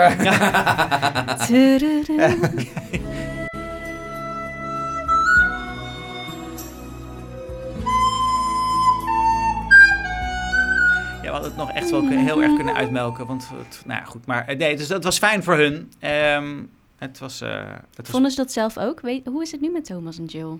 Die zijn het volgens mij aan het uitzoeken met elkaar. Oh, wat Oeh, Zo van, zoek het lekker uit. precies. Ja. Vind je dat dan toch tof? Zo van, nou ja, er is misschien eh, worden ze wel een koppel, krijgen ze kinderen. En is dat dan iets wat je tof vindt? Oeh, Of Big Brother Baby. Big Brother baby? BBB, Big Brother Baby. Er is een soort een baby geboren in een Big Brother. Ja, dat klopt, ja. Ehm, nee, ik vind het niet per se. Kijk, voor ons stond het echt voor, voorop en dat het niet zozeer daarover ging. Het was schattig en ik vond ze heel leuk, maar het, het, het riep ook heel veel op. Dus op een gegeven moment zijn we er ook een beetje van afge... ehm, eh, weken, omdat het te veel de Thomas en Jill show leek Ja. te worden, vond eh, één groep. Dus het, was, het, het werkte ook een beetje in ons nadeel, want soms waren zij gewoon heel grappig, maar dan dachten we, kut, misschien moeten we het niet gebruiken, want anders krijgen we weer de kritiek dat we te veel Thomas en Jill doen. Dus het werkte ook een beetje eh, tegen ons, vond ik af en toe. Plus dat uiteindelijk, het, le- het leek heel erg toen Thomas wegging, maar uiteindelijk heeft de Jill denk ik ook wel weer een, een ander mens laten zijn. Ja. Ja, dat Dus, denk ik ehm, ook, ja. Dus nou ja, ik, ik had ook echt een super zwak. Ik vond Thomas gewoon een hele lieve en Ja. een aardige jongen. En die ging helemaal voor dat spel en voor het programma. Dus ik vond, ik gunde hem ook, eh, maar ik gun natuurlijk iedereen alles. Maar ik gunde hem ook zeker wel. eh, had hem wel een langere tijd gegund. Maar Was het ook de kandidaat waarvan je het meest baalde dat hij eruit ging? Of was dat iemand anders?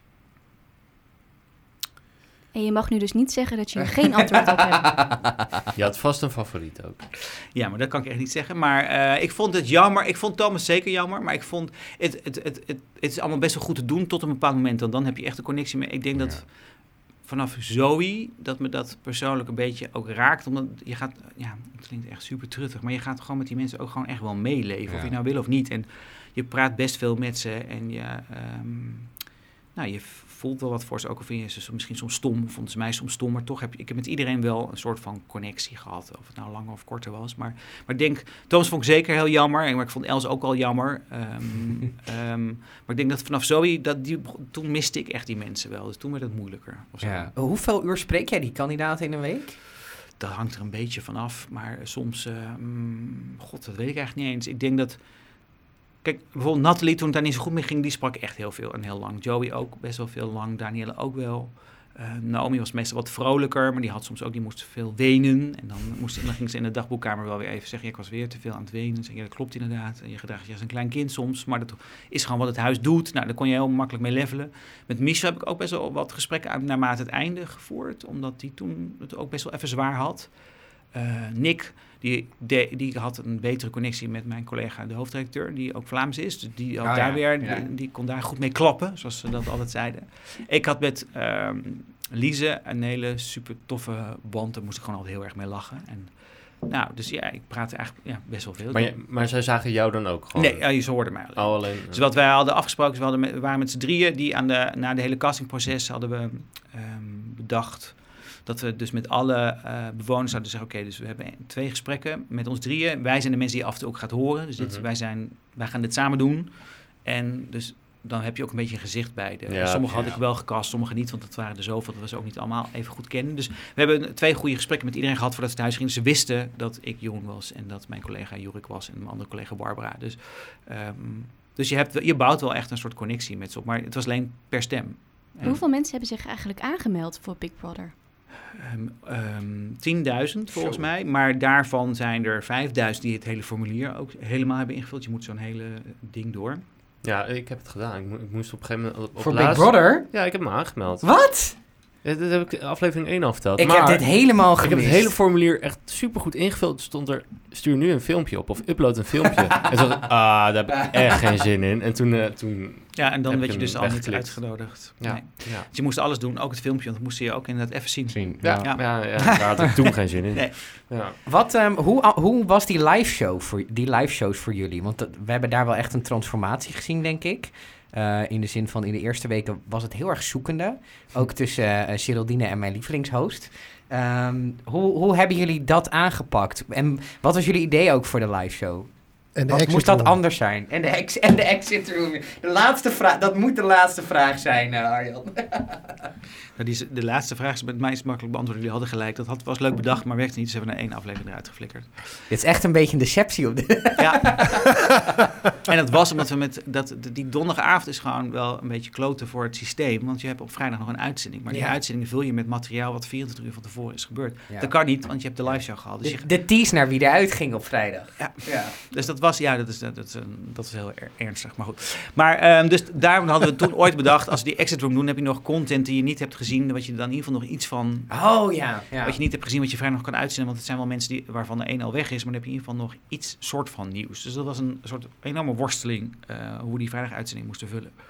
Met nieuw materiaal wat er niet was. Dus ehm, vandaar die exit room. Waarvan we, net zoals jullie dachten na je eerste aflevering. Dit werkt dus niet. Dus Dat dit was echt sadistisch. Gewoon niet twee mensen in die kamer. Ja, maar sadistisch kan ook leuk zijn. Ja, het, het, Ja. en- maar het, werkte, het zag er ook niet goed uit. En Nee, het, het vond niet goed. Het had, Je had er ook niks aan, want je bent met z'n tweeën en dan bouw je een band op en dan is het weg. Ja. Ja. Ja, het alleen wij dachten, dan, dan bewaren we dus ook het hele terugkommoment voor de vrijdag-uitzending. Mm. Dus dan hebben we daar nog nieuw materiaal. Dus er zat een soort gedachtegang achter. Dat Ja, zo. ja. Oh ja. Klinkt op papier best goed. Ja, precies. Ja. Wat vaker zo is. En Ja. dan doe je denk je, oei, dat was echt geen goed idee. Dus ehm, Nou ja, en die exit room zat natuurlijk ook naast de studio. Dus je hoefde ook niet, eh, geen, eh, eh, er hoeft geen presentator eh, naar een schutting. En Nee. ehm, je hoeft ook niet een eh, hele gat van terugreizen te vullen. Dus dat begreep ik ook nog wel. Zeker toen we, nadat we er geweest waren en zagen hoe dicht die white room of de exit room dan naast eh, de studio zat.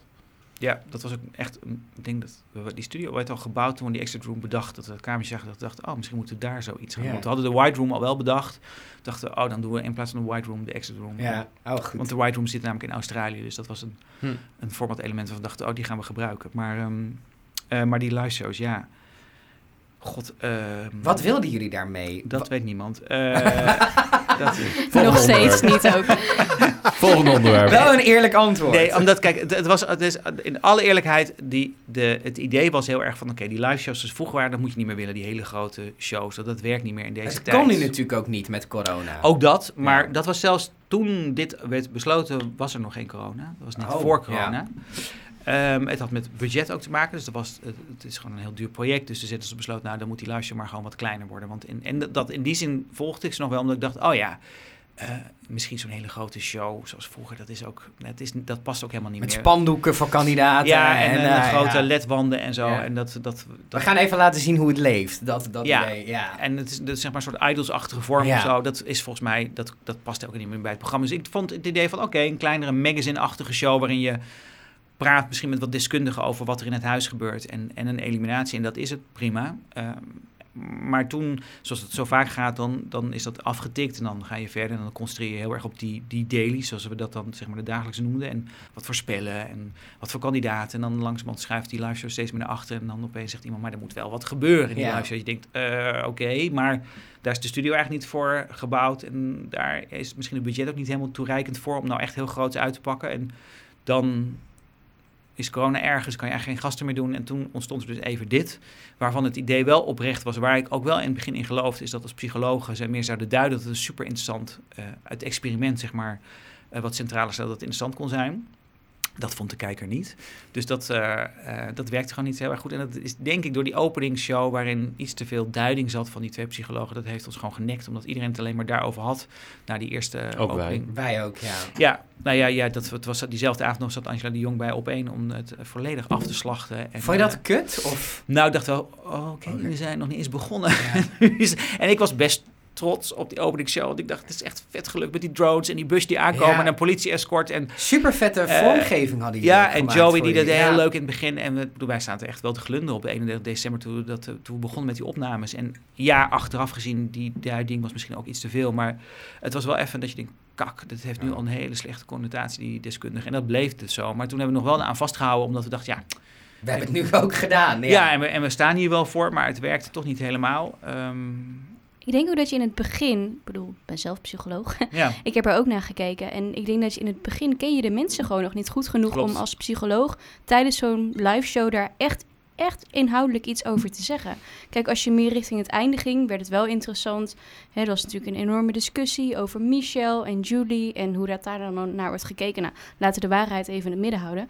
Maar ik denk dat als je inderdaad psychologen laat praten in het begin over mensen die ze eigenlijk nog niet kennen, Ja. dat de context gewoon een beetje plat wordt. Nou, en ja, dat dat mensen vervelend vonden. Dat en wat ik gewoon niet heb gerealiseerd is dat eh, wij eh, zaten vanaf 31 december helemaal erin. Hè? We, we zaten helemaal mee te leven en zo. En dat was natuurlijk voor de kijker nog helemaal niet zo. Dus je hebt helemaal gelijk. Wij, wij zaten over mensen te praten waarvan iedereen dacht, eh, wie is dat ook alweer?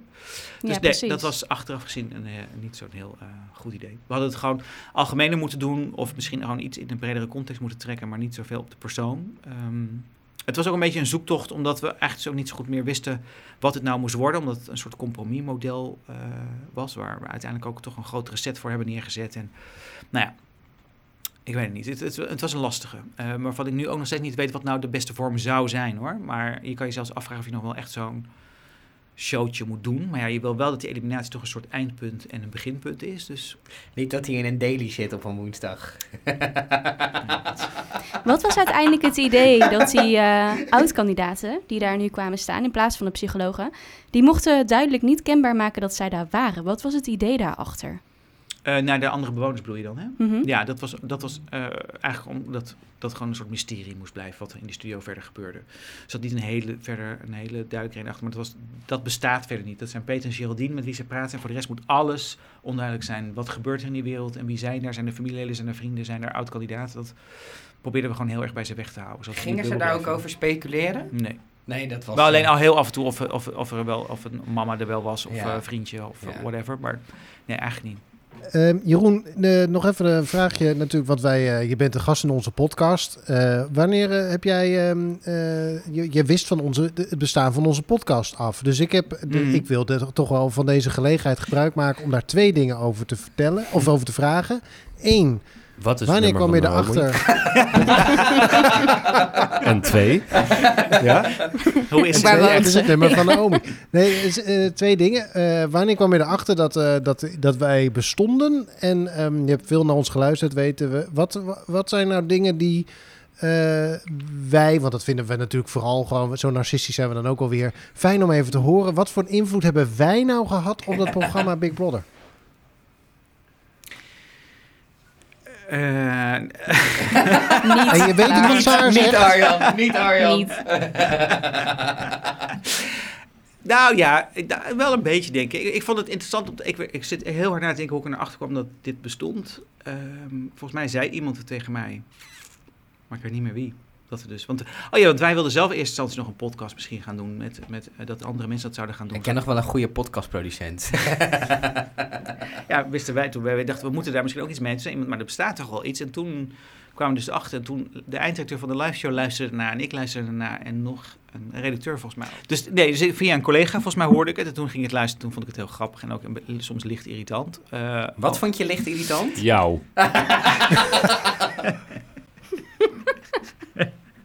Hey, wij Nee, zijn laat ook dat- vaak... Laat dat licht maar weg Dit trouwens. is, dit is toch lekker? Wij zijn heel vaak kritisch geweest op Big Brother. En nu kan je... Ja, nou mag je eventjes Oh, nee, nee, nee, ik vond het allemaal prima, want vaak hadden jullie ook gelijk. En soms dacht ik, nou, misschien moet je ook iets beter kijken. Ehm, Vooral eh, ik.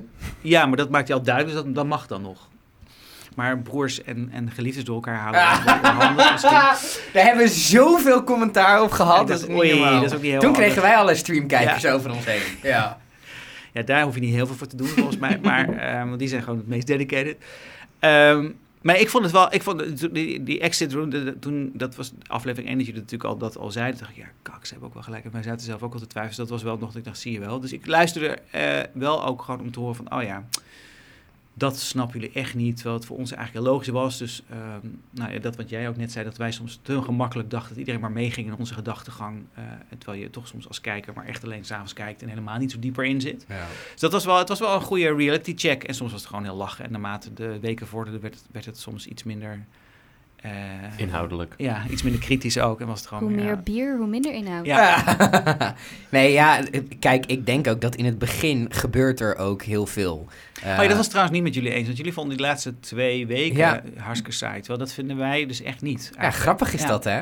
Ja, nee, ik ja, was ik, zeer content met dat er nog... Er was drama met Julie en Michel. En Nick die was helemaal van zijn padje omdat Naomi wegging. eh Lise en, en Nick die, die braken bijna met elkaar. Dus het was allemaal in die ene laatste week dat ik dacht... Wauw, wat een cadeau dat dit nog allemaal dat dit gebeurt. nog allemaal gebeurt, Dus ja. wij waren echt super blij. En toen... Ja, het is echt super saai. Zeg ik, wat? oh, zo, zo, zo. gaan dingen kapot. Dat is mooi. ja, nee.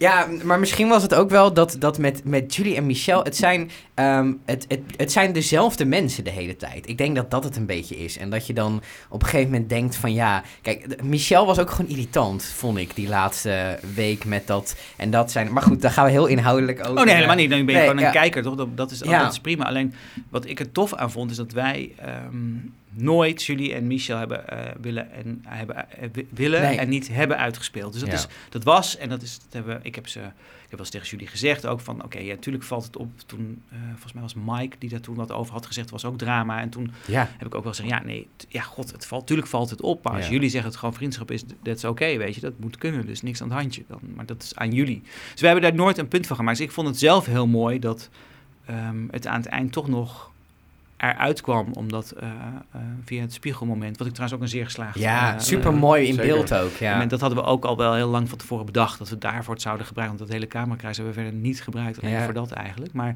Niet eh, stiekem mensen die even gingen gluren. Ja. heel af en toe volgens mij. Ja. Ja. Ja. Eh, ik ben er zelf maar één keer geweest, gek genoeg. Maar, ehm, dus, eh, eh, dus, dus ik was echt super content met dat eh, toen dat nog een ding werd, maar dat het ook werd uitgesproken. En dat wij dus nooit als makers dat heel erg hadden lopen pushen van is het nou meer of niet. Maar dat het gewoon vanuit... Natuurlijk. Ja, dus dat vond ik eigenlijk, was ik er heel blij mee. Dus ehm, dat vond ik er wel mooi aan. En dat hij daar ook even mee in de knoop kwam. En ook eventjes in een, in, nou toch even een, in een duistere periode kwam. Waar hij ook wel weer uitkwam. Ehm dat hij wel wat hulp bij nodig. Maar dat is, dus hij had ook nog een soort ontwikkeling. Dat Ja. hij zichzelf heel erg tegenkwam. Dus dat vond ik allemaal best wel boeiend en, eh, en tof. En maakte hem ook, vond ik, dus wel weer een bijzondere gast dan alleen maar G.I. Joe Michel. Die eh, een beetje loopt te sporten en alles heel goed weet of zo. Hij, hij, had ook een, hij ontdekte ook een, een, een kwetsbare kant van... Nee, dat klinkt ook heel zalvend. ja, maar dat, dat ja, is maar ik begrijp wel wat je bedoelt, denk ik. En het, wat het denk ik voor ons als... we- kijk, wij maken, er, wij maken natuurlijk ook een podcast hierover. Dus je moet ergens Maken Drie jullie een podcast over- hierover? eh, vol Over niks. kletsen. Ja. Dat probleem wat jij dat- hebt, hebben wij eigenlijk ook. Ja. Precies. En dan, dan is alleen maar een verdrietige Michel over Julie. Is op een gegeven dan heb je na tien minuten heb je dat, heb je dat, heb je dat afbesproken. En dan is Nee, het klaar. zeker. Maar en dan jullie moesten, je, ook, jullie moesten ook gewoon kritisch blijven. Want jullie hadden ook veel kritischer mogen en moeten zijn misschien zelfs wel. Ik bedoel, dat hoort ook bij een programma als dit, toch? Dat moet je Ja, gewoon... eh, het- ja, nee, zeker. Nee, waarom, maar waarom het denk ik voor ons een wat saaiere weken waren... is dat je er lang niet zoveel aantekeningen over kunt maken Ja, ja, ja. gedurende de week.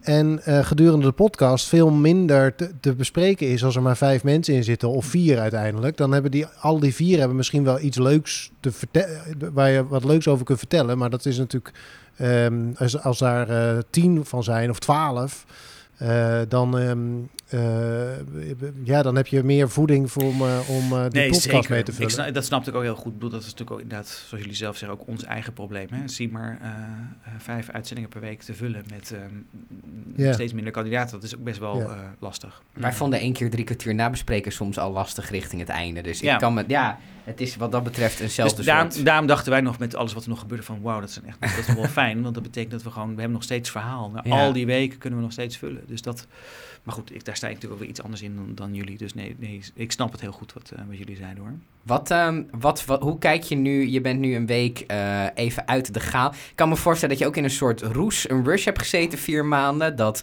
dat gaat natuurlijk door en door en door. Dus echt die tijd om te. Dan lig je net in je bed en dan belt eh, de man van eh, Julie weer op. Of dan, eh, dan, is, dat viel reuze mee. dan is het- dan is het weer Joey, eh, Joey wil eruit. Dus je bent constant ermee bezig. Merk je dat je de afgelopen week wat beter hebt kunnen reflecteren dan in die vier maanden daarvoor? En, en wat zijn dan de conclusies die je tot nu toe hebt getrokken van... stel, we gaan een, het huis blijft, de vergunning wordt langer verlengd dan drie maanden... eh, en we gaan ergens eind dit jaar of begin volgend jaar... eh, weer vier maanden in deze rush komen. Wat je dan anders zou willen doen dan dat je nu gedaan hebt? Nou, daar zijn we nog wel echt wel mee bezig om dat goed te, te... Dat kan ik nog niet helemaal beantwoorden. Ik heb wel een hele lijst al aan dingen.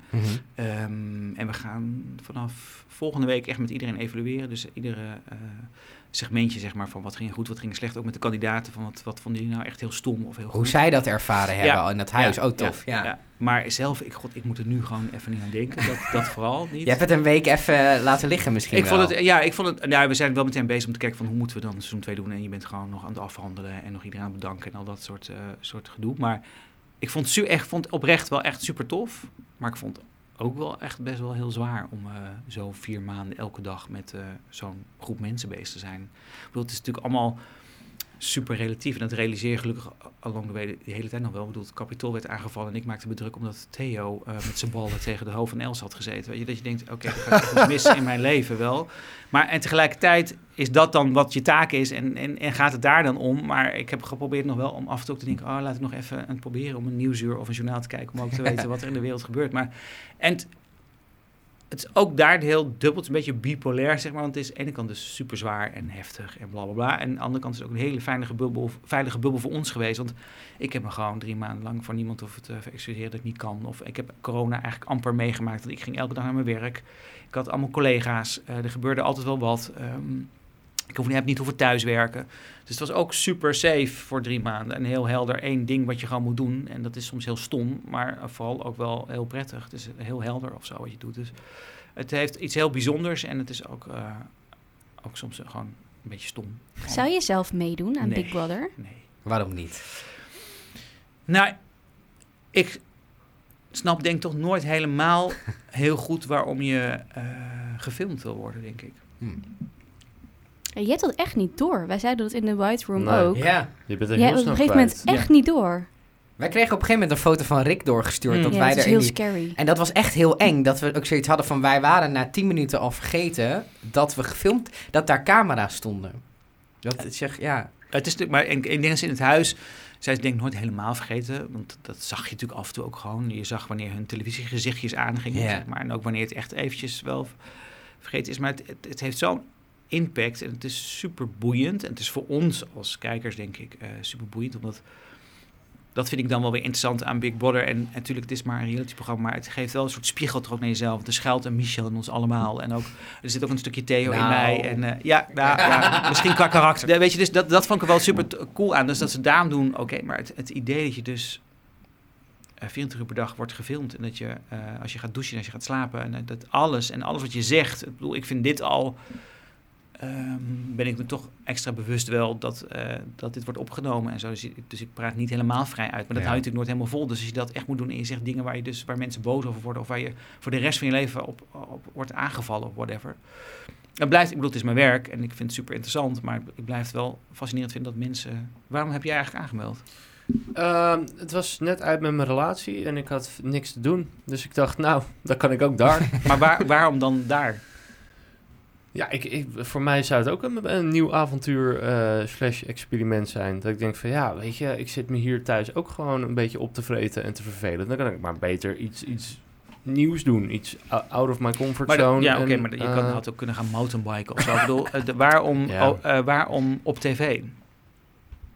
ik, ik denk dat dat voor mij een beetje bijzaak Ja? was. Ja. Maar is dat Ik echt zou me waar? ook zo opgeven hoor. Ja. Ik heb geen... Ja, Ja, je hebt de eerste ja, twee kandidaten, wel. Jeroen. Hmm. Ja, Nee, maar weet ja, je wat ik, het ik zat gewoon is in een van, soort gat. Weet je, ik zat echt Ja, ik in vind een het zo, gat. ja, maar dat is toch eh, interessant dat je, je kan alles bedenken wat je had ook, weet ik veel, een opleiding kunnen doen. Nou ja, reizen kon dan niet, dus ik snap dat er is weinig wat je echt had gekund, maar Ja, het precies besef, dat. het- ja. maar het besef dat je dus gewoon dan 24 uur per dag wordt gevolgd door duizenden mensen, dat heeft jou nooit tegengehouden. Nee, want ik heb echt niks te verbergen. Ik heb... eh, Ja, dat zegt altijd iedereen, maar ja. Je Ja, wel nou, nee. Verbergen. Maar dit- Ja, Ja, dat maar- zit maar in mijn nou- broek, Arjan. ik hou mijn broek gewoon aan. Ja, dat weet je ook niet of dat was gelukt natuurlijk dan. Nee. Nou, bij je wel Koen niet, want die moet gewoon netjes zijn pompje iedere drie dagen vervangen. Dus Ja, dan is zit je weer ja. in je onderbroek. Ah ja. Ja. nou Ja, ja, dat is wat toch ik, prima? Nee, Wat Voor ik- ieder wat wils. Maar, maar nee, even serieus even afmaken. Want Ja. wat nou als je... eh, je hebt niks te verbergen, zeg jij. Maar vind jij het, had jij eh, durven huilen op tv bijvoorbeeld? Ja. Joh, ik huil als, eh, als Simba eh, zijn vader weer dood Dat is ook wel echt zielig. Maar dat is ook wel als je daar niet helpt, dan ben je psychopaat hoor. Nee, ik, eh, het enige wat ik wel moeilijk kan, en dat, ehm, dat, dat ik, ik kan niet boos worden. Ah, ja. Ik, eh, ik eh, ben zeg maar in een conflict, ben ik of een, een, een, een verliezer wegloper. of een vluchter. Zeg en dat maar. kan niet. Dan ben je Naomi dus. Naomi kon ook niet. Die wilde weglopen, maar dat kon dus niet. Dat Nee. was haar grootste probleem. Ja, nou goed, maar dat is, dat is wel interessant om dat met, met jezelf dan een Ja. beetje aan te gaan. Van waarom... En het hele idee dat je dat, dat dan dus eh, mensen een mening over jou hebben en iets van jou vinden. Of je zo met jou meeleven in goede en in slechte Ja, tijden. ja, het kan me echt maar reet roesten. Ja? Dat zeg zelf- ik, zeg ja, ik ja, nu, dat- omdat ik het niet ken. Dus ik zeg nu, het kan me echt mijn reet roesten wat, wat, wat duizenden andere mensen van Dat mij je hebt vinden. geen schaamte in dat opzicht. Nee, ik schaam me eigenlijk nergens voor. Nou, dat is ook best wel. Dat zeggen niet veel mensen namelijk. Oh. Ik vind het mooi hoe iemand die zo bij Big Brother is betrokken... eigenlijk probeert jou eruit te lullen dat je je vooral niet moet aanmelden. Zo deden we die castings trouwens wel ook altijd. Omdat mensen moeten heel goed weten waar ze Waar aan meedoen. Hoe, hoe zat het bij jou, Arjan? Want jij zei ook ja. Ja, nee, ik zou, meteen, eh, eh, ik zou dat meteen doen. Maar dat komt omdat er, kijk, reizen en mountainbiken en dat soort dingen, dat kan Dat altijd. waren misschien Dat niet is de beste een- voorbeelden. Het is een, nee, Nou, maar wie er- er- zijn heel veel. Alles in het dagelijks leven kun je eigenlijk ieder moment voor kiezen. Maar dit zo- zo'n televisie, hetgene wat, je, de- wat de televisie dan maakt, is dat het iets momenteels is. En omdat het televisie is, ook meteen uniek. Dus je kunt, eh, je kunt ehm, honderd dagen op reis gaan, bijvoorbeeld, met mensen. En dan is dat nog steeds niet, heeft dat nog steeds niet de impact eh, die eh, Big Brother of televisie wel heeft. Dus voor mij is het juist dat, het, omdat er televisie bij gemengd wordt, maakt dat, de, eh, maakt dat een unieke ervaring. Hoe ga je daarmee? Hoe, hoe is het om ehm eh, honderd dagen door zoveel camera's gevolgd te worden? In het dagelijks leven kun je die, be- kun je die, die ervaring kun je nooit opdoen. Dus, dus, dus Nee, De nee, te- dat- dat is- televisie-element dus alleen, ik vraag is me dan juist in voor de basis mij- toch af, waarom zou je dat willen weten, hoe het is om door camera's gevolgd te worden? Dat blijft gewoon een interessante vraag vinden. Waarom, waarom wil jij weten hoe het is om dag en nacht gevolgd te worden door camera's? Ja, dat Omdat ik eigenlijk- Mijn... wil weten hoe. eh, van heel veel dingen wil weten hoe het is. En dus ook dit. Nou ja, Nou, ik ging er denk ik misschien wel anders in, want eh, jij hebt het over camera's, maar in het begin werd er dus geadverteerd van meld je aan, eh, wa- wat heb jij te verbergen, Ja, klopt, zeg ja. maar. Ik, had, ik, ik vatte het zo op, zo van, oh, zij gaan dus al je socials door. Dus Ja. ik naar mijn laatste tweetbericht, zeg maar van tien jaar geleden, want ik weet dat ik heel veel gekke dingen heb gezegd Ah, op ja. Twitter, omdat het een soort dagboek voor mij was, omdat ik wist, niemand volgt mij. Eh, maar ja, kan je het kwijt en dan eh, heb je één iemand die zegt like. Boeien. Maar ik dacht dat het dat was. En dat ik me dan, dat dat getoond zou worden of zo. En dat is dat ook ik dan- gebeurd. Ja, dat, is één keer- gebeurd, één ja. keer gebeurd. Ja, ja. Ehm, dat ik dacht van, dat ik me dan eh, een- soort van kan verantwoorden. Of dat, dat, dat, ik dacht dat dat een beetje het spelletje zou dat gaan. Nou, worden. dat was in de basis, was dat, we hebben het inderdaad in de eerste weken wel gedaan. En toen zijn we ermee gestopt. Maar het idee was dat we wel mee te doen. Maar de impact was zo groot in het Ja. huis daarvan, dat we toch hebben besloten. Want, schrokken. eh, ja, maar ik vond dat Nou, juist het, deed zoveel eh, in het huis dat we dachten, oei, daar moeten we kalmer en voorzichtiger mee doen. Het Ja. heeft te grote impact. Ja. ja, ja, het was nou, met Theo, ja. hè, die als racist werd weggezet. Ja. En Ehm, wat, dat was meer gewoon de uitspraak die hij ook had gedaan. We hadden inderdaad wel hoe noem je het, een deep dive hadden we Ja. gedaan bij iedereen. Dus eh, eh, tweets en de socials en echt gekeken. We wilden eigenlijk ook in mensen computers gaan kijken van oké, wat kom je allemaal Ja, tegen? maar ook dan, dan zeg ik, doe dan. Ja, Ja, nee, en veel mensen zeggen dat en dan blijkt er toch opeens Dingen dat te je zijn toch te schamen voor dat ja. ene stukje porno wat op je computer wordt gevonden. Of eh, dat je toch inderdaad op Twitter misschien wel hele domme dingen hebt gezegd die toen niet dom waren, maar in deze tijd, wat natuurlijk best lastig is, ook ja, waar we nu in zitten. context. Ja, Ja, dat, dus, en zie daar maar eens tegen te verdedigen nog. Of, eh, ja, ja maar dat- dat zou ik juist interessant vinden. En Nee. dan de discussie aangaan met, met mensen en zeggen, ja, weet je wat, dat was toen en ik dacht toen zo, want. ja, nou dat is op zelf, dat, Of niet, of ik denk nog steeds zo. ja, dat, dat, dat is natuurlijk een super boeiend eh, eh, uitgangspunt. Alleen Ja. En de- heel actueel. Ja, de praktijk was dus dat het niet helemaal lekker werkte. Dat zag je dus de eerste week. Het was een soort ontploffingsgevaar. En wij waren mensen daardoor te veel al aan het duwen in een soort kant op. En ehm, de maatschappij zoals die nu is, was dus ook in het huis, dat het gewoon is weinig ruimte voor grijs. Hè. Het is meteen heel erg zwart-wit. Ja. Dus het is Mhm. meteen bam en je moet... Dus dat werkte niet zoals we hadden gehoopt. Want het is natuurlijk super interessant. Want het idee was inderdaad van... eh, als je kijkt naar wat de, de overheid allemaal van ons weet. En als je kijkt hoe in, in China bijvoorbeeld het social credit score system. Hè, dat Ja. hoe, hoe beter je best doet en netjes bent, dan heb je een betere hypotheek. Dat, ehm, dat Black Mirror aflevering. Ja, eh, eh, dat- Geweldige aflevering. ja, nou, dat, dat, dat, was de, de, dat was ooit de inspiratie voor de pitch. Van, Mhm. we, we zijn een Big Brother maatschappij geworden. Dus dat was wel wat jij dacht, was wel ooit onze... Nou, dan is dat goed overgekomen. Maar dan blijkt het dus toch te heftig te zijn. Ja, ook omdat uiteindelijk het dan heel erg opeens een soort van rondom tien gaat worden of zo. Met, eh, we laten even gaan praten over racisme en zo. Dus dat werkte niet helemaal lekker. Het, het moest ook het gewoon... past ook niet bij de RTL 5-kijker. Nou, ik weet niet of dat het zo, zoveel is, maar, eh, eh, per se is. Maar ik denk meer dat in het huis werd het opeens alleen maar discussie. Terwijl het is dus slimmer om dat gewoon vanzelf te laten gebeuren. Dus Ja. uiteindelijk kwam, als we het dan hebben over racisme, dat wat, wat, wat Zoe uiteindelijk met Nick had, Ja. vond ik dus waanzinnig. Omdat het gewoon Ja. een mooi gesprek was. Waarin het onbegrip tussen, eh, eh, ik, maar ik ben toch geen racist, maar nou, het is wel een beetje discriminerend wat je nu zegt. En dat, dat alles wat misgaat nu in onze maatschappij zat in dat gesprek. En daar Mhm. probeer je elkaar de- samen uit te komen. Dat is, ik bedoel, dat is uiteindelijk niet weggelegd voor de grotere groep, want die zien het helemaal niet. Maar ik vond het super mooi. En dat dan Zoe later zegt van dat ze hopelijk nog een voorbeeld is geweest voor wat gekleurde meisjes. Dan denk ik, oké, cool, dan hebben we in ieder geval nog iets. Die daaraan. impact, ja, ja. maar en dat werkt dus beter als ze het zelf deden dan dat wij het heel erg Ja. met, met borden wat we in het begin ja. deden of een tweet van. Ja, ehm, maar zouden jullie het huis in willen? ik niet. Ik wel. hoor. No way. Ik heb het thuis besproken, want we, ik zat natuurlijk vaak ook met mijn vriendin te kijken. En we- ik, ik zei van ja, van mij hoeft het niet per se. En mijn vriendin zei, jij ja, het niet. dus dat... eh, Nee, laat mij daar maar aan de desk staan of staan om over andere mensen te praten, maar ik hoef er zelf niet in. Nee. Hoe kijk je terug op Gerald, Jeroen? Eh, met veel liefde en plezier. En ik gun hem al het succes in de wereld. Is het fijn dat hij erin heeft gezeten voor jou? Ja, ja, zeker. Ja. Zeker. Nee, kijk, Gel had ook een soort functie. En ik moet wel zeggen dat eh eh, Gel heftiger was dan dat wij dachten. Ja. Dus dat was een ander persoon toen hij uit huis ging dan hoe wij hem hadden gesproken. Het paste niet bij het format zoals je het hier schetste wat het idee was. Nee, maar, en, maar en dan heb je alsnog altijd wel de wat uitgesproken types nodig. Hè. Dat was Theo ook, dat was Els ook, dat was ehm eh, eh, Gel ook op een bepaalde manier en Mike ook. En zo heb je allemaal wel types die je hebt gewoon mensen nodig die iets uitgesprokener zijn. Of die in ieder geval wat reuring veroorzaken. Die je misschien stom vindt, maar eigenlijk hebben ze dan toch een heel klein hartje. Want Ja. nou, zo werkt het dan meestal. Maar, maar Gel was zachter eh, en veel nou, kalmer, gewoner bijna in al zijn gesprekken met ons. Dus toen hij dat huis binnenkwam, dacht ik wel, oh, oké, dit is wel iets groter en meeslepender dan dat ik had ingecalculeerd. En dat had hij zelf ook. Maar soms doe je iets en dan kan je niet meer uit. Ik weet niet of je Nee. dat herkent, maar dat je Ja. gewoon iets instart. Dat is volgens mij wat er met hem gebeurde. Hij ging aan en hij kon even niet meer dat uitknopje vinden. Dus hij ging nog meer en nog meer. En Hij was zich misschien heel bewust van de camera's. dat denk ik wel. Dat is natuurlijk ook heel, dat is ook bijna onmogelijk als je er later in komt en dus al dingen hebt gezien. Mhm. Eh, dat is ook een interessant iets geweest wat ons heeft geholpen, maar ons ook heel erg tegengewerkt. Hè. Dat uh, gefaseerd inbrengen van mensen betekent dat sommige mensen die later inkwamen al dingen hebben gezien en input van buiten levert dus altijd trouble op in het huis. Ik weet, dat heeft soms goed gewerkt, maar ook heel vaak niet goed. Dus dat is ook interessant. Moet je dat nog een keer willen of niet? Maar dat is weer een ander verhaal. Maar eh, Jail was denk ik zich inderdaad wel bewust en was zichzelf ook even kwijt. En vond, hervond zichzelf wel weer. En, ehm, maar toen was het denk ik net te, laat. laat, ja. Maar kijk, je kan vinden, hij was natuurlijk heftig. Maar wat er over hem heen kwam, dat was ook echt Heftig. Dat was. Ja. Maar goed, ehm, hij is volgens mij, hij kan wel tegen stootje. En, hij, ja. en volgens mij, de donderdag waren ze allemaal superleuk met elkaar. En ze hebben nog echt een leuk feestje met elkaar gehad. Want ze waren allemaal getest, dus zij mochten allemaal in het hotel. Nog met elkaar hadden ze zelf geregeld een feestje vieren. En ze hebben volgens mij met z'n allen nog heel veel contact. En ze gaan de hele tijd volgens mij ook live op eh, Insta. Dus, Ook eh, na de finale.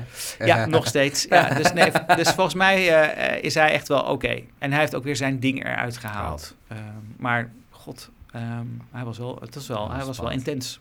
Om eh, op een hele leuke noot eh, af te sluiten en aansluitend op bewust van de camera. Eh, er was natuurlijk één bewoner die tot de laatste twee is gekomen, die heel bewust was van één bepaalde camera. Ja, Eh, en die staat nu in zijn woonkamer. klopt. Staat Ja. hij aan? ja, kan je nog meekijken of niet? En Nick heeft Rudy gekregen natuurlijk. Ja, zeker. Dat vonden we toch wel echt heel zoet. Om. En dat was heel lief van de, eh, de, de facilitaire partij. Die had het al eerder in een eerder stadium gevraagd van... Oh, willen jullie misschien dan een Rudy aan, eh, aan hem geven? Want we hebben nog wel eentje liggen. Dus, eh, dus dat was super lief. Dus hij was er echt volgens mij nog blijer mee dan Met mee- het geld. Ja. Ja, dus hij, volgens mij zei hij heeft het ook wel, hij heeft het wel even pittig, onze, onze Nick. Die Ja. kwam echt uit. Ik dacht, oh ja, fuck jongen, dat is ook wel intens. Die zat daar best wel gelukkig te zijn. En dan Hij had het naar zijn zin, hè? heel. Ja. En dan sta je daar op toch, ja, het, ik bedoel, het is, was natuurlijk een wat winderig parkeerplein waar wij met z'n allen stonden een live showtje te doen. En dan sta je daar en het is, ja, het is volgens mij zo weird om dan opeens weer daar... eh, en daar je oud-bewoners te zien en daar dan dus je vriendin en je familie. Dat je denkt, oh ja, ook heel leuk, maar eigenlijk hoor ik nog bij dat huis en ik wil eigenlijk nog helemaal niet weg, want de corona is nog niet over. Het was wel, het was wel inter- interessant om hem en Lise ehm, te zien. Want Jill was nog wel echt druk met interviews en dingetjes, dus ik heb even vooral met die twee nog gezeten. En toen dacht ik, oh ja, dat wordt nog best even een proces om, ehm, om weer terug in die gewone wereld te komen. denk ik. Ik wou zeggen, Nick is ook echt de enige die ik eigenlijk altijd heb horen zeggen van... ik wilde de, eh, dit eigenlijk al twintig jaar. Ja, die was volgens mij vanaf Big Brother 1 in België, had, was dit zijn droom. Ja, precies. En nou, dat heeft hij dus En het is ook. nu voorbij. Ja, gewoon. dat is- dat is, lijkt me ook heel raar. Het is met zo, zoveel dingen volgens mij, de weg er naartoe zat leuker dan het echt bereiken, Mhm. denk ik. Ja, als Dus- je ook een hele lange reis hebt gepland Ja. of zo... je gaat weer naar huis, dan is dat klaar. Nou, Dan dat, is maar het- dat is het volgens mij ook, ja. Ja. Ga je het volgende seizoen van Big Brother doen als het er komt? Eh, ja, ik denk dat, dat, dat ik het ook wel moet doen, sowieso. Dus als ik het niet zou willen, dan uh, dat is niet echt een optie. Maar nou, ik vind het ook, denk ik, nu even niet. Maar ik vind het wel, denk ik, super boeiend om, uh, om het nog een keer te doen. Op een iets andere manier. Maar wel omdat alles wat we nu zeg maar, niet goed hebben gedaan, of de fout die we hebben gemaakt. Want we deden, de grootste gedeelte deed het voor het eerst.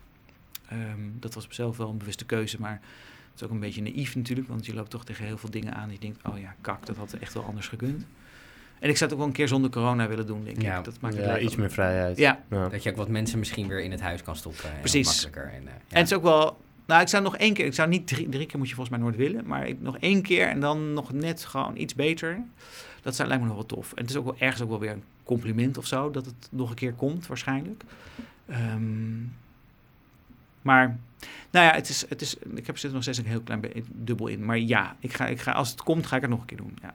Gaan wij het nog een keer doen? Of zitten jullie dan in het huis? Zal, Nou, ik, ik- me- zal ik me opgeven? Kom ik dan langs jou? Ja, nou ja, het, het zou wel kunnen, maar dan zouden jullie, ja, ja, nee, het zou zeker wel kunnen. Ja. Ja, nou, dat, Wie van ons drie zou je het eerst in het huis stoppen? dat hangt een beetje af van de. eh, van het filmpje wat je instuurt. ja. nou, nee, nee, ja, ook dat. Dat moet goed zijn natuurlijk. Maar ook eh, wat de rest van de cast dan al is, want dat Ja. hangt altijd heel erg af van. eh, en je hebt, je hebt een relatie, hè? Ja. Nee, die zit hier. Ja, precies. Dat is niet helemaal zeker, dus ik deed nog zo'n beetje. maar dat maakt het al jou al iets minder interessant dan. Dankjewel. Ja, je kan het ook uitmaken nu als je per se dat huis nu wil. Doe gewoon alsof. ja. En dan wordt het opeens toch Temptation eigenlijk. Oeh. Temptation Brother. En eh, Ar- Arjan, als die zeg maar echt zo uitgesproken zou durven zijn, en dan, dan zou het nog wel interessant kunnen. Ik kunnen ken hem niet anders, dus ik zou zeggen, nodig Nou, Arjan Arjan. uit. Endemolshine.com slash Big Brother, daar, daar, daar kan je naartoe. Ja, ik eh, zit al te surfen. Dus ehm, Heel goed. Jeroen, ontzettend bedankt dat je hier wilde zijn op eh, deze vrijdagmiddag en ons een, eh, een inkijkje hebt gegeven achter de schermen bij het programma wat we eh, met veel liefde eh, hebben gevolgd de afgelopen weken en soms een klein beetje kritiek. Ehm, en eh, super tof dat je hier wilde zijn. Nou, jullie bedankt voor alle kritiek en alle goede podcast. Ik heb genoten. Dankjewel. Dankjewel. Jeroen, je mag gaan.